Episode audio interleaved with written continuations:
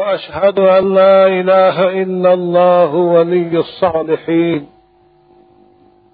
وأشهد أن سيدنا وعظيمنا وحبيبنا محمدا رسول الله خاتم الأنبياء والمرسلين وعلى آله وأصحابه اجمعین پروردگارا ما را از رحمت ناامید مگردان. و در آن لحظه های اخیر که امید از حیات کنده می شود گوشی جان ما را به شنیدن ندای ملکوتی الا تخافوا ولا تحزنوا وابشروا بالجنة التي كنتم توعدون. مشرف کردان آمین. خدایا فرزندان ما را از پیروی قرآن و اسلام جدا مگردان خدایا برای مادران ما و خواهران عزیز ما حیا و عفت و پاکیزگی عطا فرما. خدایا از راههای بی حیایی و از راههای بی عفتی خواهرای عزیز ما و دخترای ما را نگه دار. آمین. آمین. أعوذ بالله من الشيطان الرجيم. بسم الله الرحمن الرحيم.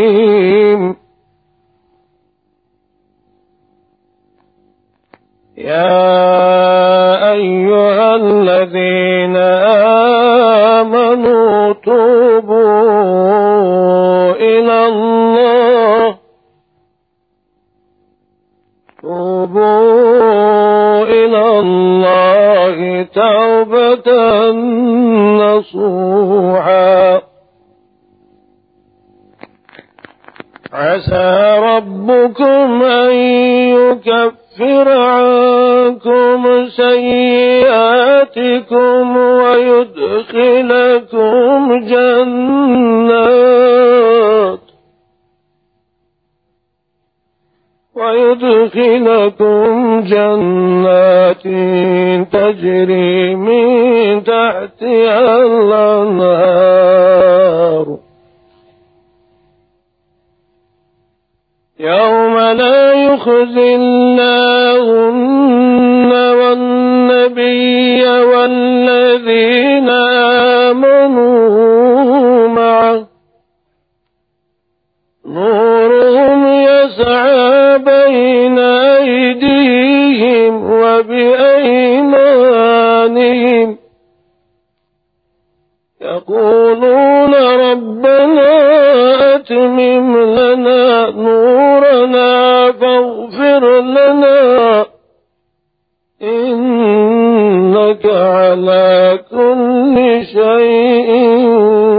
قدير صدق الله العظیم این آیه که تلاوت کردیم از سوره مبارکه تحریم است. و در این آیه پروردگار بندگان خود امری به توبه کردن و فرمانی به بازگشت کردن به سوی خود داده. ایستادند ای کسانی که ایمان آورده و ای کسانی که به روز قیامت باور دارید توبو الی الله بازگشت کنید به سوی خدا. تا امروز تا شست و هفتاد تا پنجاه و چیل شاید عمر خود در غفلت گذرانیدید. از روی نادانی از روی پیروی نفس شیطان. امروز که این ندای الهی را شنیدید بازگشت کنید. معنای توبه عزیزان من بازگشت کردنی به سوی خدا. وقتی که بنده از گناه خود پشیمانی کرد از رفتاری نابجای خود پشیمانی کرد. به دل خود افسوس خورد که چرا من چنین چنان کردم. چرا من عمر زیبای خود عمر قیمت خود در بهودگی و بد اخلاقی صرف کردم. خدایا این چه کاری بود که من کردم؟ وقتی که دل یک درد پیدا شود وقتی که در دل یک پشیمانی پیدا شود وقتی که در دل یک خوف یک ترس از عذاب خدا پیدا شود این توبه بگیر توبو الله بازگشت کنید به سوی خدا. لیکن عزیزان من چطور بازگشت؟ بازگشتی فقط زبانی؟ نه. خدا میگه توبت نصوحا توبه باشد که خالصانه باشد. توبه باشد که در وی ریا نباشد. توبه باشد که برای نشان دادن آدمان نباشد. توبه از صدق دین توبه که بعد از او تا از حد ضرور نشود تا فرفتی شیطان نشوی دیگر گناه نمی روی. این تو توبه باید باشد. این توبه نصوح میگه. معنای نصوح خالصا لله. لا ریاء ولا سمعه نه برای نشان دادن نه برای شنواندن اینو توبه نصوح میگه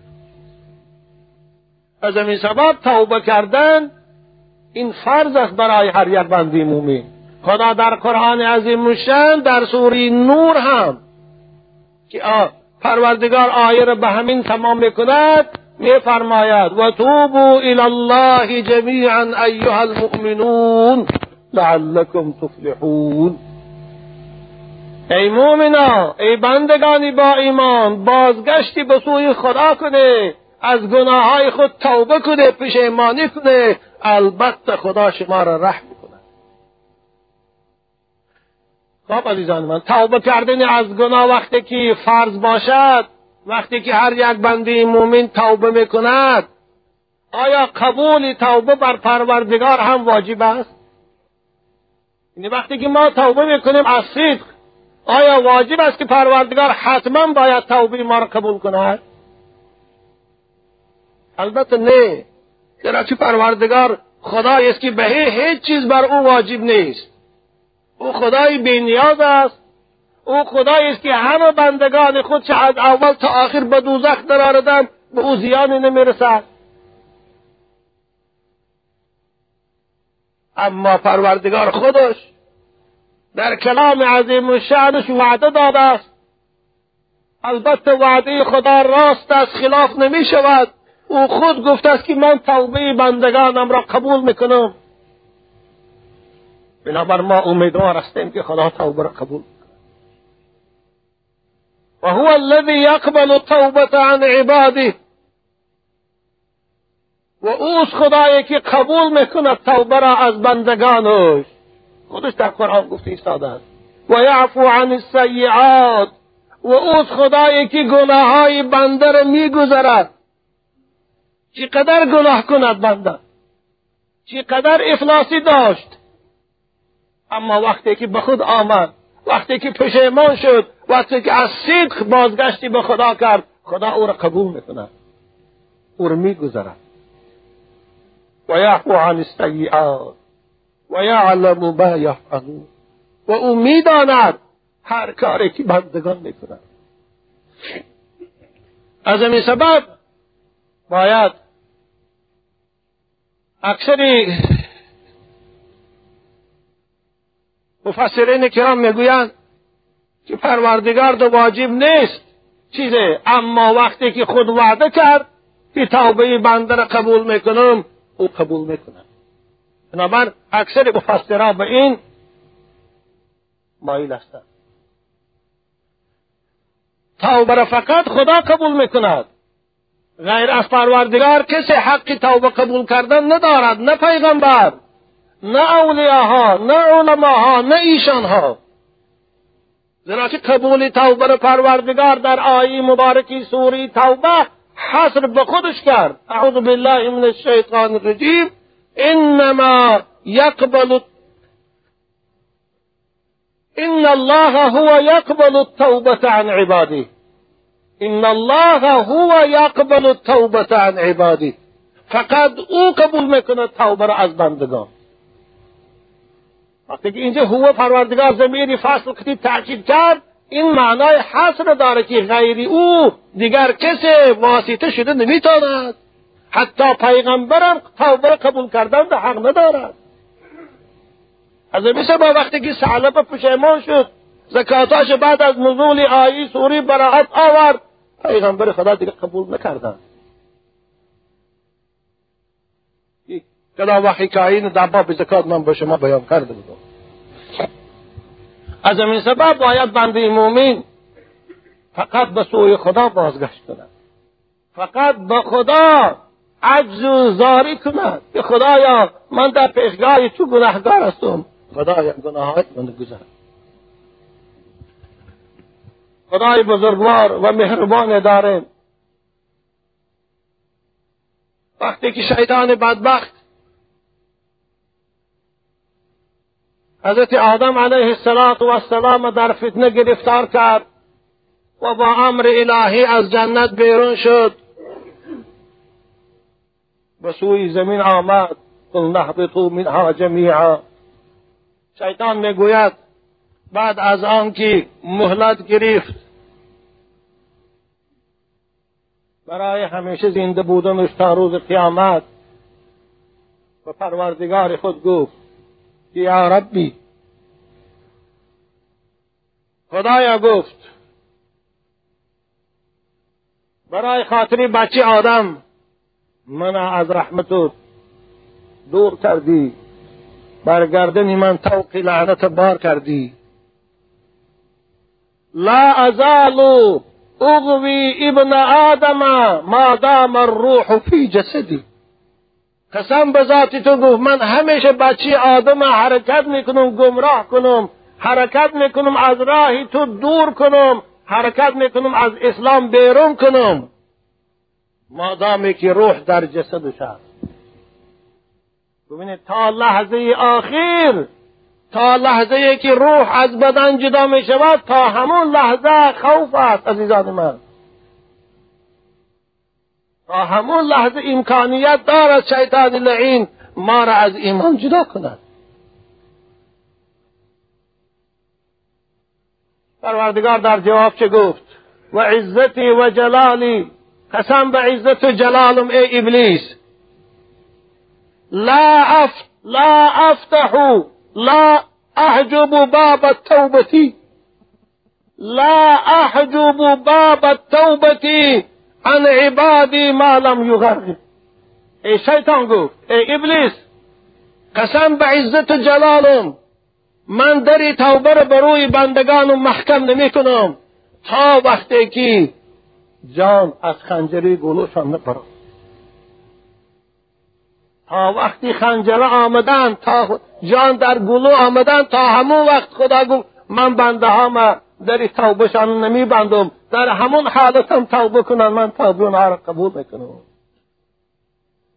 رسول اکرم در حدیث فرمودن ان الله یقبل توبه العبد. ما لم یغرقه خدا توبه بنده را قبول می‌کنه. مادامی که جان در خنجری گلو نرسیده باشد اما وقتی که جان در خنجری گلو که آمد از گلو بیرون شدن گرفت آن وقت دیگر توبه قبول نمی شود. زیرا که اون وقت ایمان ایمان یاس است. از این سبب چی باید کرد؟ باید بندی مومین هر لحظه هر ساعت هر روز. از ترس آنکه مبادم مرگ به سراغ من بیاد توبه کنند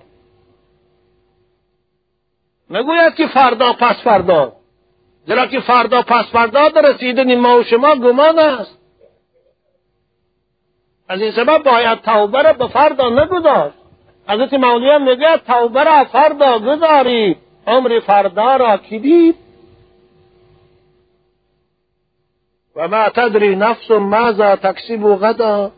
هیچ کس نمیدانه که فردا به چی کار مشغول می شود فرد آیا او حیات است یا وفات؟ هیچ کسی اینو نمی‌داند غیر از پروردگار.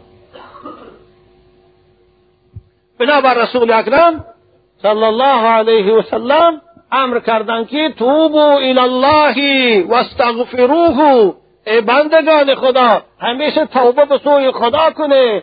از گناهاتان آمرزشی گناه پرسه. فانی اتوب الی الله و استغفره کل یوم اکثر من سبعین مره من پیغمبر شما هست من معصوم از گناه هستم. با وجود این هر روز زیاده از هفتاد بار استغفر الله و اتوب الیه.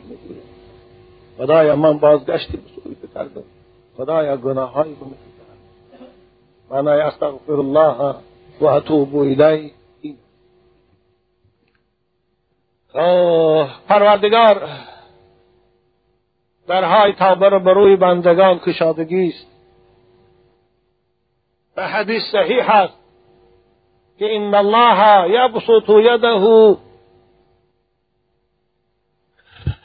بالنهار.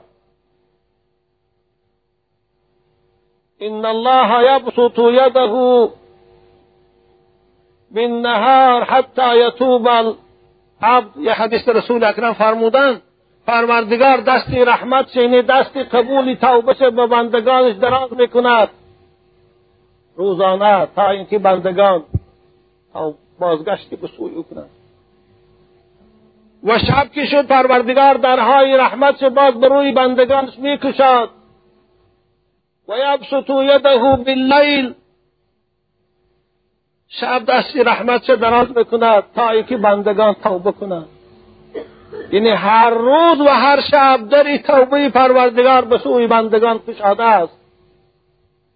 این ادامه مییابد تا که حتی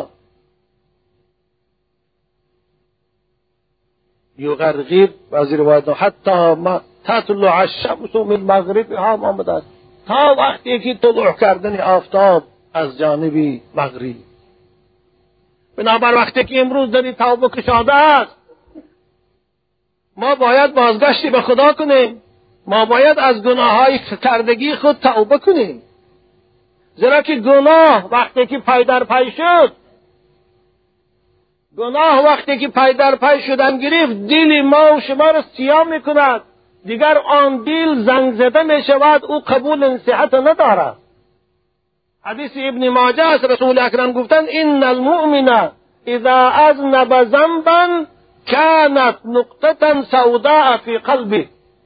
وقتی که بنده مؤمن یک گناه کرد یا دروغ گو یا کار غیر شرعی کرد یا نماز نخواند قضا کرد. در دل او یک نقطه سیاه پیدا می شود دل بنده مؤمن شفاف است نورانیت دارد او. یک نقطه سیاه پیدا می شود فإن تاب ونزع واستغفر الله سقل منها. اگر بعد از توب گناه کردن به خود آمد پشیمان شد. توبه کرد. از پروردگار آمرزش گناه کرد. از صدق رسول اکرم گفت سقل منها. دل او را. پروردگار از این نقطه سیاه گناه تازه می‌کند. باز همون شفافیش. استادن بگیرد اما اگر گناه هر روز کنیم چی مانند من امروز جامعه باری هر روز گناه پای در پای شدن گیرد چی حضرت گفتم فاین زاد زادت وقتی که هر روز گناه شدن گرفت پای در پای پای در پای نقطه های سیاه پیدا شدن می‌گیرن پیدا شدن می‌گیرن آخر سیاهی پره دل ما را فرا می‌گیرد این قلب فرا می‌گیرد مانند که ابرهای سیاه چگونه آسمان با این تازگیش فرا می‌گیرند تاریک می‌کنند دل تاریک می‌کنند وقتی که دل تاریک شد حضرت بچه گفتن حتی یغلق من قلبه منها حتی اینکه دل او از بسیاری گناه محکم می شود چنان محکم می شود که دیگر هیچ نصیحت هیچ سخن دیگر قبول نمی کند امروز به مشاهدان معلوم است. آدمایی که بسیار در غفلت فرو رفتگی هستند معصیت دلهای اونها را زنگ زده و سیاه کرده است. اگر در حضور اونها در باری جنت و دوزخ سخن کنی ناراحت می‌شوند. حتی شنیدن نمی‌خواهند. حتی اینکه باور نمی‌کنند. اگر این گوش میدرد از این گوش برآمده می‌رود. خیلی متاثر نمی‌شود برای که او دل دیگر جای خالی ندارد. او دل زنگ زده است. دیگر قبول نمی‌کند. امروز اکثری مسلمانای ما هم تو شدن. معلصف رسول اکرم این گفتن همون ران و ذلك الران الذي قال الله في محكم كتابه كلا بل ران على قلوبهم ما كانوا يكسبون. أنا همون رانه که در سوره مطففین پروردگار میگوید أنا همین گناه هست که پرده تاریکی أو دل فرا بگیرد. و ران علی قلوبهم بلکه فرا گرفت پیچانید. دلهای اونها را سیاهی آن عملهایی که خودشان کردن ما کانو بود. همون کارهایی که کردن همون بینمازی همون حیایی همون قرط بازی همون قماربازی اینها را دلاشان چنان سیاه کرد که دیگر هیچ حق قبول نمی‌کنند دیگر خوف خدا در این دل نمون. دیگر باوری به قیامت در این دل باقی نمون. امروز پیش بچه هایی که در غفلت زده هستن. اگر درباره خدا رسول صحبت کنیم مسخره می‌کنند برای که دل او دیگر جای ندارد که قبول کند اینا.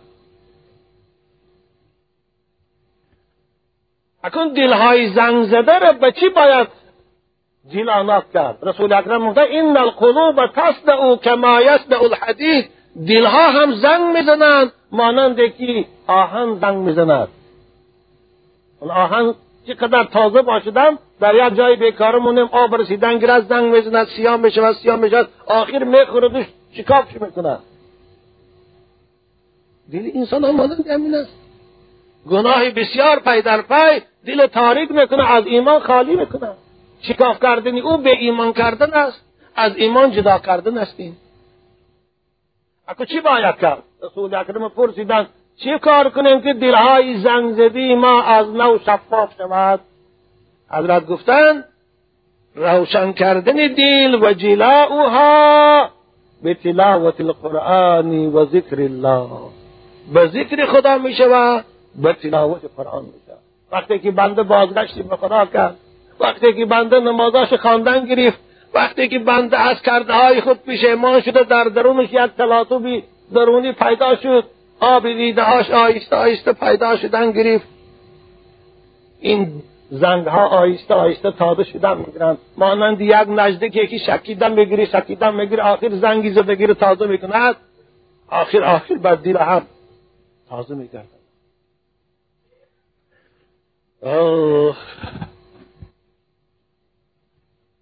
صحابه.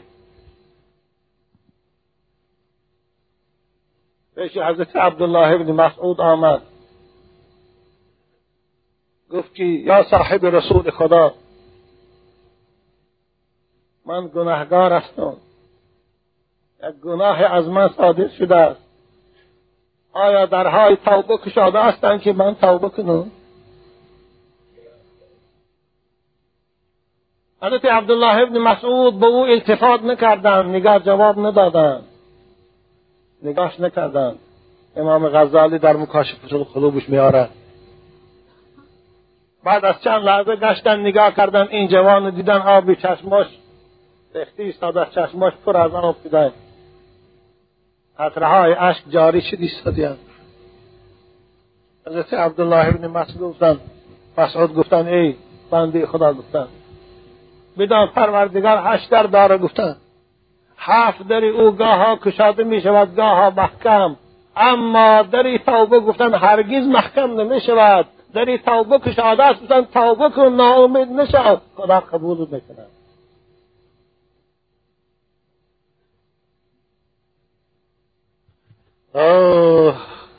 وقتی که در توبه کشاده است. وقتی که پروردگار بندگان خودش ناامید نمی کند این لایق نام بندگی نیست که تقیه به این کرده به پروایان گناه کنید این خجالت شرمندگی است که گناه کنیم توبه کنیم باز فردا با گناه کنیم. باز پس فردا با گناه کنیم. این شرمندگی است پروردگار در قرآن می‌گوید اعوذ بالله من الشیطان الرجیم. انما التوبة على الذين يعملون السوء بجهاله ثم يتوبون من قریب فاولئك يتوب الله علیهم ما توبه را از همون بندگانم قبول می‌کنیم که از همون بندگان خدا میگه من توبه را قبول می‌کنم که اونها از روی نادانی و جاهلی گناه کردند یعنی نمی‌دانستن که عرق گناه هست نمی‌دانستن که به نمازی گناهی که است. بنابر همین نماز نخواندن. نمی‌دانستن که زنا حرام است. برای همین زنا کردن. اما وقتی که فهمیدن که زنا گناهی کبیر است وقتی فهمیدن عرق گناهی کبیر است وقتی فهمیدن قضا کردن این نماز گناهی کبیر است از این کارشان باز استادن پشیمانی کردن. میگه از اینها ما توبه قبول می‌کنیم.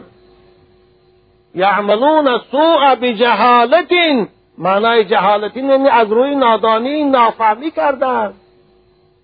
ثم یتوبون عن قریب بعد از آن توبه کردند پیش از بیماری و پیش از آمدن مرگ مفسرین کرام عن قریبین ای قبل المرضی والموتی پیش از آمدن بیماری و پیش از آمدن مرگ یعنی در حالت تنصحتی توبه کردند پشیمانی کردند ما اینها را خدا میگه توبهشان قبول می‌کنیم انما التوبه على الذين يعملون السوء بجهاله ثم يتوبون من قريب. فأولئك يتوب الله عليهم. اینها کسانی هستند که خدا توبه از اینها میپذیرد قبول میکنند أما اگر رفت و داند که عرق حرام است. عرق قرآن حرام کرده است. قیماربازی را قرآن حرام کرده است. زنا را قرآن حرام کرده است. نماز قضا کردن خدا حرام کرده است. با وجود دانستن به پروایانه عرق نوشد. به پروایانه زنا کند. به پروایانه نماز قضا کند چی؟ این خدا چی می‌گوید؟ در دوام میآید. وليست التوبة للذين يعملون السيئات حتى إذا حذر أحدهم الموت قال إني تبت الآن. خدا میگه من توبه رو قبول نمی‌کنم از او آدمانی که بے پروایانه گناه می‌کنن نترسیده گناه می‌کنن. وقتی که مرگ نزدیک شد جان در هر خنجری گلوکی آمد. ملائکه های عذاب در پیش چشمش مشاهده دید. ثانی میگه خدایا من توبه کردم مانند فرعون بارین از این خدا میگه ما این آدم توبهش قبول نمی‌کنیم. بنابر باید توبه رو در صحتی توبه رو در جوانی توبه رو در خاطر جمعی کرد. رسول اکرم گفتن التائب من الذنب کمن لا ذنب له. کسی که از گناه توبه می‌کنه او مانند شخصی است که هرگز گناه نکرده باشد. این چه توبه است؟ حضرت حسن بصری رحمت الله علیه را پرسیدن. از توبه نصوح سئل الامام. الحسن البصري رضي الله تعالى عنه عن توبة النصوح. توبة نصوح چیست حضرت چی گفتن توبة نصوح هي الفزع بالقلب والاستغفار باللسان والترك بالجوارح والعزم على ألا يعود. توبة نصوح چهار نشانه دارد. عزیزان من جوانای عزیز گوش اندازید یکمش الفضع بالقلب. بعد از گناه کردن. یک واهمه یک ترسی پیدا شده. این یکم شرطی دویمش و الاستغفار باللسان. به زبانش استغفار کنه خدایا من از این کاری کردگیم هزاران توبه کردم. خدایا من طاقت عذاب چون ندارم گناهی من نگذار. این دویم شرطش هست سوم شرطش و ترک بالجواره. دویم با سیم شرطش همین است که همون کار دویم بار تکرار نکند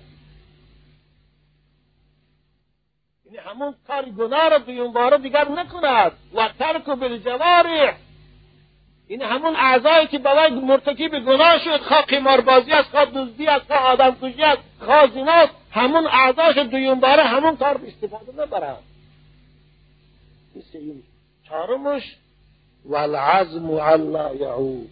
به خودش قصد کند. قطعی به همین قرار باید که خدایا دیگر هرگز من این کار نمی‌کنم. یعنی این از توبه تو. این از توبه که خدا قبول می‌کند. این از توبه که کننده است بعد از این توبه مانند از مادر نو تولد شدگی برای این بیگناه می شود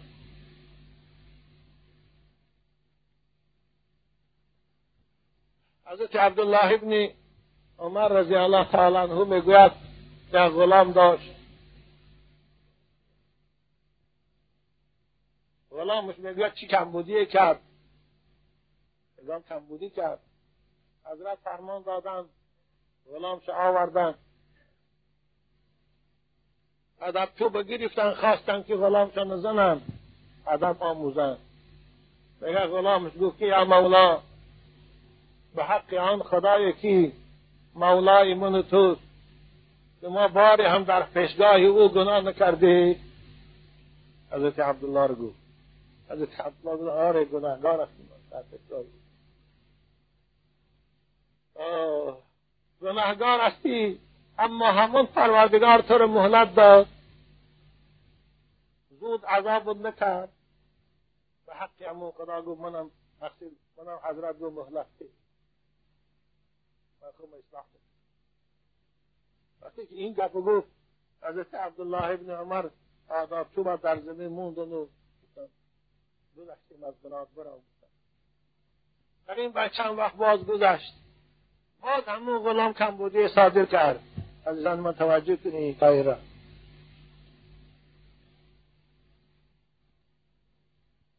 باز گناه صادر کرد. و بار باز آوردن برای عذاب زجر کردن. باز غلام گفت مولا گفت به حق همان خدای کی مولای من توست. با دویم با یگان بار دیگر تو گناه نکردی در پیشگاه او که او تو مهلت داد عذاب نکرد. حضرت عبدالله گناهگار هستم اما من عذاب نکرد است مهلت دادن به حق همون خدا گو این مرتبه من گناه مگذارد باز حضرت عبدالله ابن عمر رضی الله تعالی عنه از آب کش کردن جوابش دادن. انسان به کمبودی نمی شود من چند وقت گذشت باز یک کمبودی صادر کرد همون غلام. باز آوردن پیش مولا برای سیاست کردن. حضرت عبدالله ابن عمر تازه تو تازیانه رو گرفتن و به غلام دادن که اینه بیزن اینه گفتن. برای بیعدبی کردگی. اما این مرتبه غلام سرش خم بود. چیزی نگو. خواهی نکرد.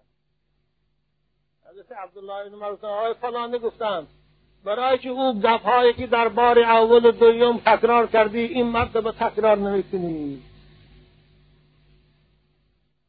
برای چی؟ گفت یا مولا گفت من بسیار شرم دارم که از بسیار گناه کردن و توبه کردن. یک بار گناه کردم توبه کردم.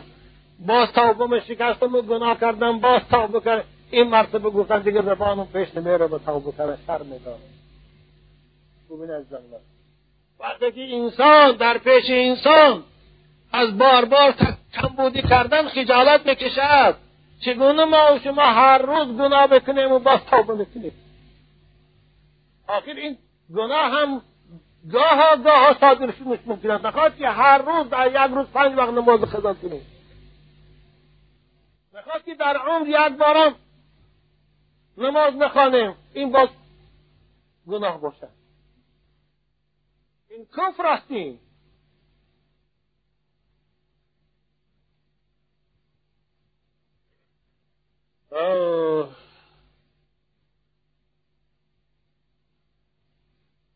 بنابر علامت توبه قبول هم همین چهار شرط باید داشته باشد یکی در دلش ترس پیدا شود دیگر به زبانش آموزش گناه طلب کند. سوم دیگر با همون اعضاش همون گناه را نکند. چهارم به دلش قصد قصد کند که من دیگر این گناه را نمی‌کنم. المستغفر من الذنب وهو مصر علیه کالمستهزئ بربی. کسی گناه می‌کند بعد گناه کردن استغفر الله العظیم می‌گوید. و پگاه با گناه می‌کنه خدایا توبه کردم فردا شد با گناه می‌کند. این تو آدم مسخره باد است. این آدم گویا به پروردگار مسخره بازی می‌کند. امروز گناه می‌کند با آدم پس با توبه. با شد با همه کار می‌کند. اینو مسخره بازی می‌کند اینو توبه نمی‌گوید الاستغفار بلا اقلاع توبت الكذابین آمرزشی گناه طلب کردن به باز ایستادن از گناه این توبه دروغگوها هست.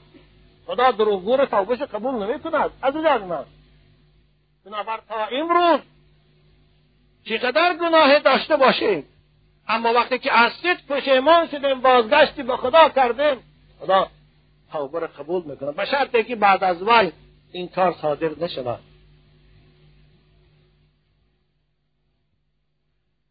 البته پروردگار همه گناه را گناه میبخشد. همه گناه را چی آدم کشی است؟ چی عرق نوشی است؟ چی نمازی است؟ چی کار نباشد؟ وقتی که بنده پشیمانی کند استید خداوی میبخشد. اعوذ بالله من الشیطان الرجیم. ان الله لا یغفر ان یشرک به و یغفر ما دون ذلک لمن یشاء. غیر از شرک خدا همه گناه رو میبخشد برای کسی که خواهد. از این سبب باید بیپروایانه گناه نکرد. کار کنیم اگر مبادا به اختیار از اختیار ما بیرون این گناه صادر شود زود پشیمان شد زود بازگشتی به خدا کرد زود از اون کار توبه کرد. این از توبه که خدا او را قبول یک عزیز دست پرسید که نشانه قبول توبه در پیشگاه خدا چیست؟ ما از کجا می‌دونیم که توبه ما رو خدا قبول کرده؟ پرسیدن از یک عزیز حضرت امام غزالی در کتاب می‌برد و کشف قلوب ده. میگه نشانه قبول توبه در پیشگاه خدا. انیق برای ما معلوم نیست که خدا قبول کرد یا نه توبه را. اما علامت ها دارد. علامتش همین است که بنده بعد از توبه کردن دیگر همون گناه رو نمی‌کنه. یکم علامتش همین است بعدی همون توبه کردن حالتش دیگرگون می شود رغبتش به طاعت خدا بسیارتر می شود این هم نشانه آن است که توبه او قبول است. و سیوم نشانه است این است که آب دیده در چشمه های او اکثر وقت پیدا می شود همین سه نشانه در کسی باشد او باید داند که انشاءالله خدا توبه او قبول کرده اما توبه زبانی و دلش یگان گر تلاطم نداشته باشد. از گناه های پیشینش یگان گر شرم ندارد. به پروایانه با تعریف کرده گناه های بچگیش گردد این توبه توبه نیست عزیزان.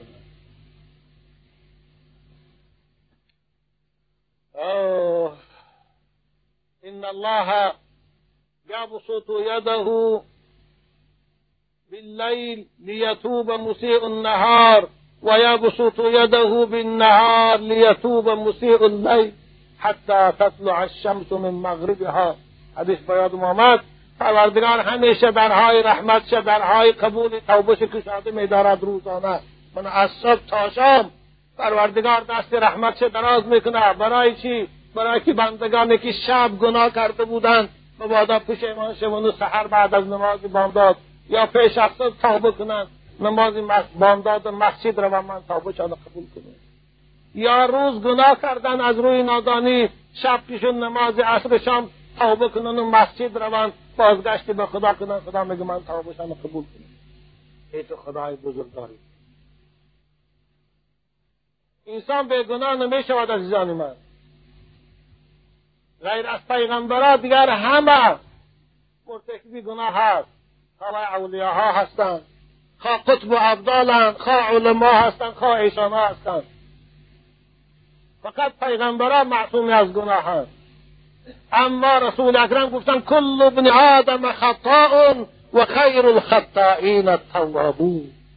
همه گناه می‌کند اما بهترین گناهگار همون گناه است که بعد از گناه کردن پشیمان میشه و توبه می‌کنه و بازگشتی به خدا می‌کنه بهترین گناهگار این است. پروردگار همه ما شما را توفیق بندگی که دو؟ از گناههایی که از روی نادانی تا این وقت کرده بودیم. از روی پیروی نفس و شیطان تا این وقت مرتکب شده بودیم. پروردگار همه ما و شما را توفیق دید که از اونها باز استیم و بازگشت به سوی او کنیم و دیگر هرگیز با توفیق او گرد معصیت و قصد معصیت او نکنیم. آمین یا رب العالمین. جمعه آینده یک صحبت در باب سوره حضرت یوسف. عزیزان من با شما می‌کنم که یک برادر از ما خواهش کرده است که همون کرده که قرآن درباره حضرت یوسف سخن می‌گوید. این یکی کرده بود.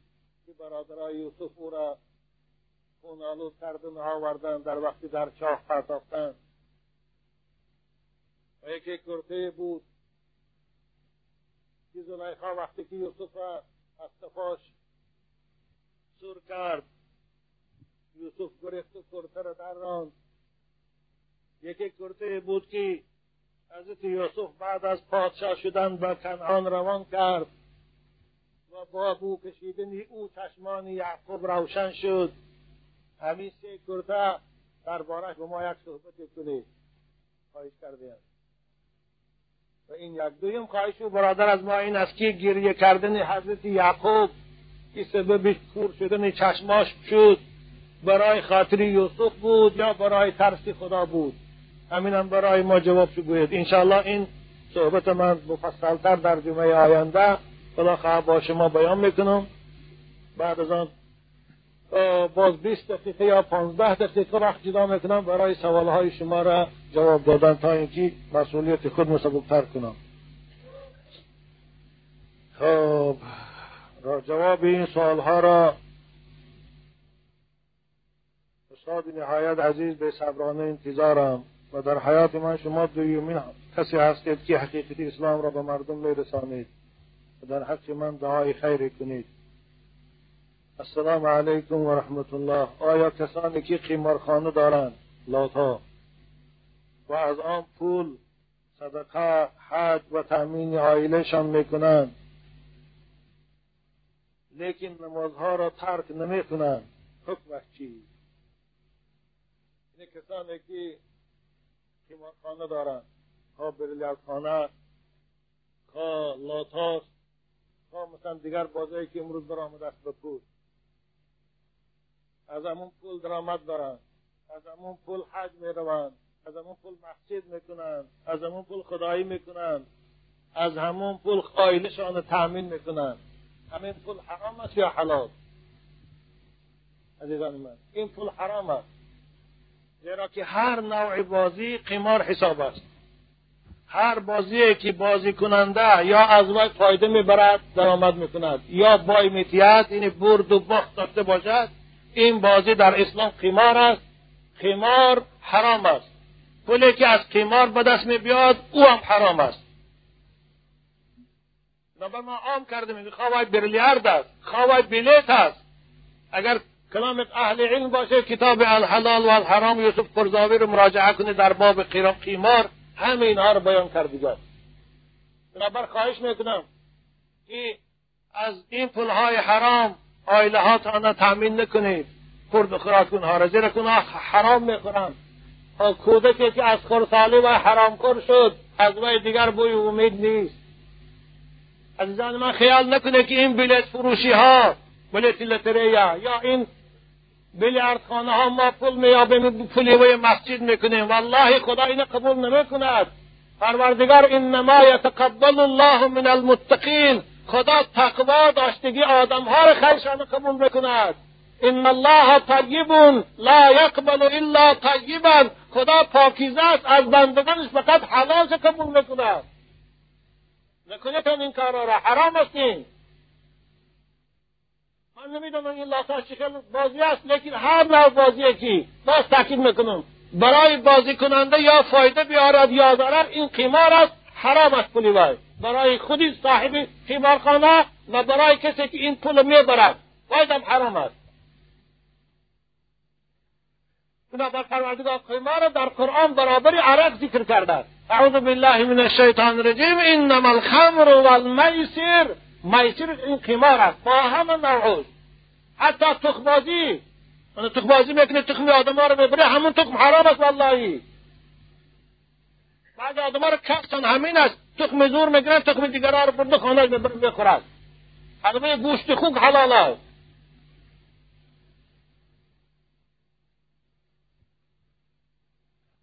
خواب نماز می‌خوانه البته برای نماز میخواندگیش در پیشگاه خدا ثواب که می‌گیرد. زیرا که قرآن خدا میگه و من یعمل مثقال ذره خیرا یره. و من یعمل مثقال ذره شرا یره. کاری خیر کن اندکم باشه ثوابش در پیشگاه خدا میابی. اما گناه اندکم باشه برای فردا جوابش میدی آیا پیغمبر خدا برای قضا کردن این نماز اجازت داده بود یا نه؟ نماز قضایی دارد یا نه؟ عزیزان من نماز به عوض قضا کردنش گناهی کبیر است. پیغمبر اسلام در دو حالت نماز قضاییش در حدیث ها امر کردن. یکی حضرت گفتن من نام این خوابش بود اسکی سفده مید اسکی مثلا وقتی نماز گذاشتن. یعنی این آدم یا فراموش کرد به یک کار مشغول شد چگونه رسول اکرم در غزوه احزاب به جنگ مشغول شدن پنج وقت نماز نتوانستن خوانده در وقتی. همین صورت در وقتی که وقتی خانگی یا ها اجازه کرده رسول اکرم گفتن نماز خانه همون وقتی که بیاد بسیسی یعنی نماز در دو حالت قضایی دارد. یا خواب بود برد کسی که نماز پیشین قضا شده؟ یا که مثلا به یک کار مشغول شدی که نماز از خاطرت برآمد بعدی که به هوش آمدی دیدی که وقت گذشته هم هم تو وقت در حال تارت می‌کنی نماز می‌خوانی. این است حدیث رسول اکرم امر کردن. در حدیث دیگه فکفارته ان یصلیها اذا ذکرها ممرد این وقتی که خوابش بود یا که به یگان کار مشغول شد نماز از خاطرش برآمد به یادش رسیدن برابر کفارتش همین است که در حال تارت کنه و خواند این قضا میگن. اما اگر رفت پیشین آواز اذان شنیدی؟ به که من در دست به کار مشغول شوی و مسجد نبیایی پیشین قضا شود یا در بیخ تلویزیون ششتی آواز اذان شام و عصر شنی و سریال از بین می‌رود گفته شام نخوانی این قضا ندارد این کافر بشودیم این قصدن ترک نماز حساب است عزیزان من من ترک الصلاة متعمدا فقد از منه ذمت الله کسی یک نماز قصدن ترک کنه و از عهد بندگی بیرون می‌شود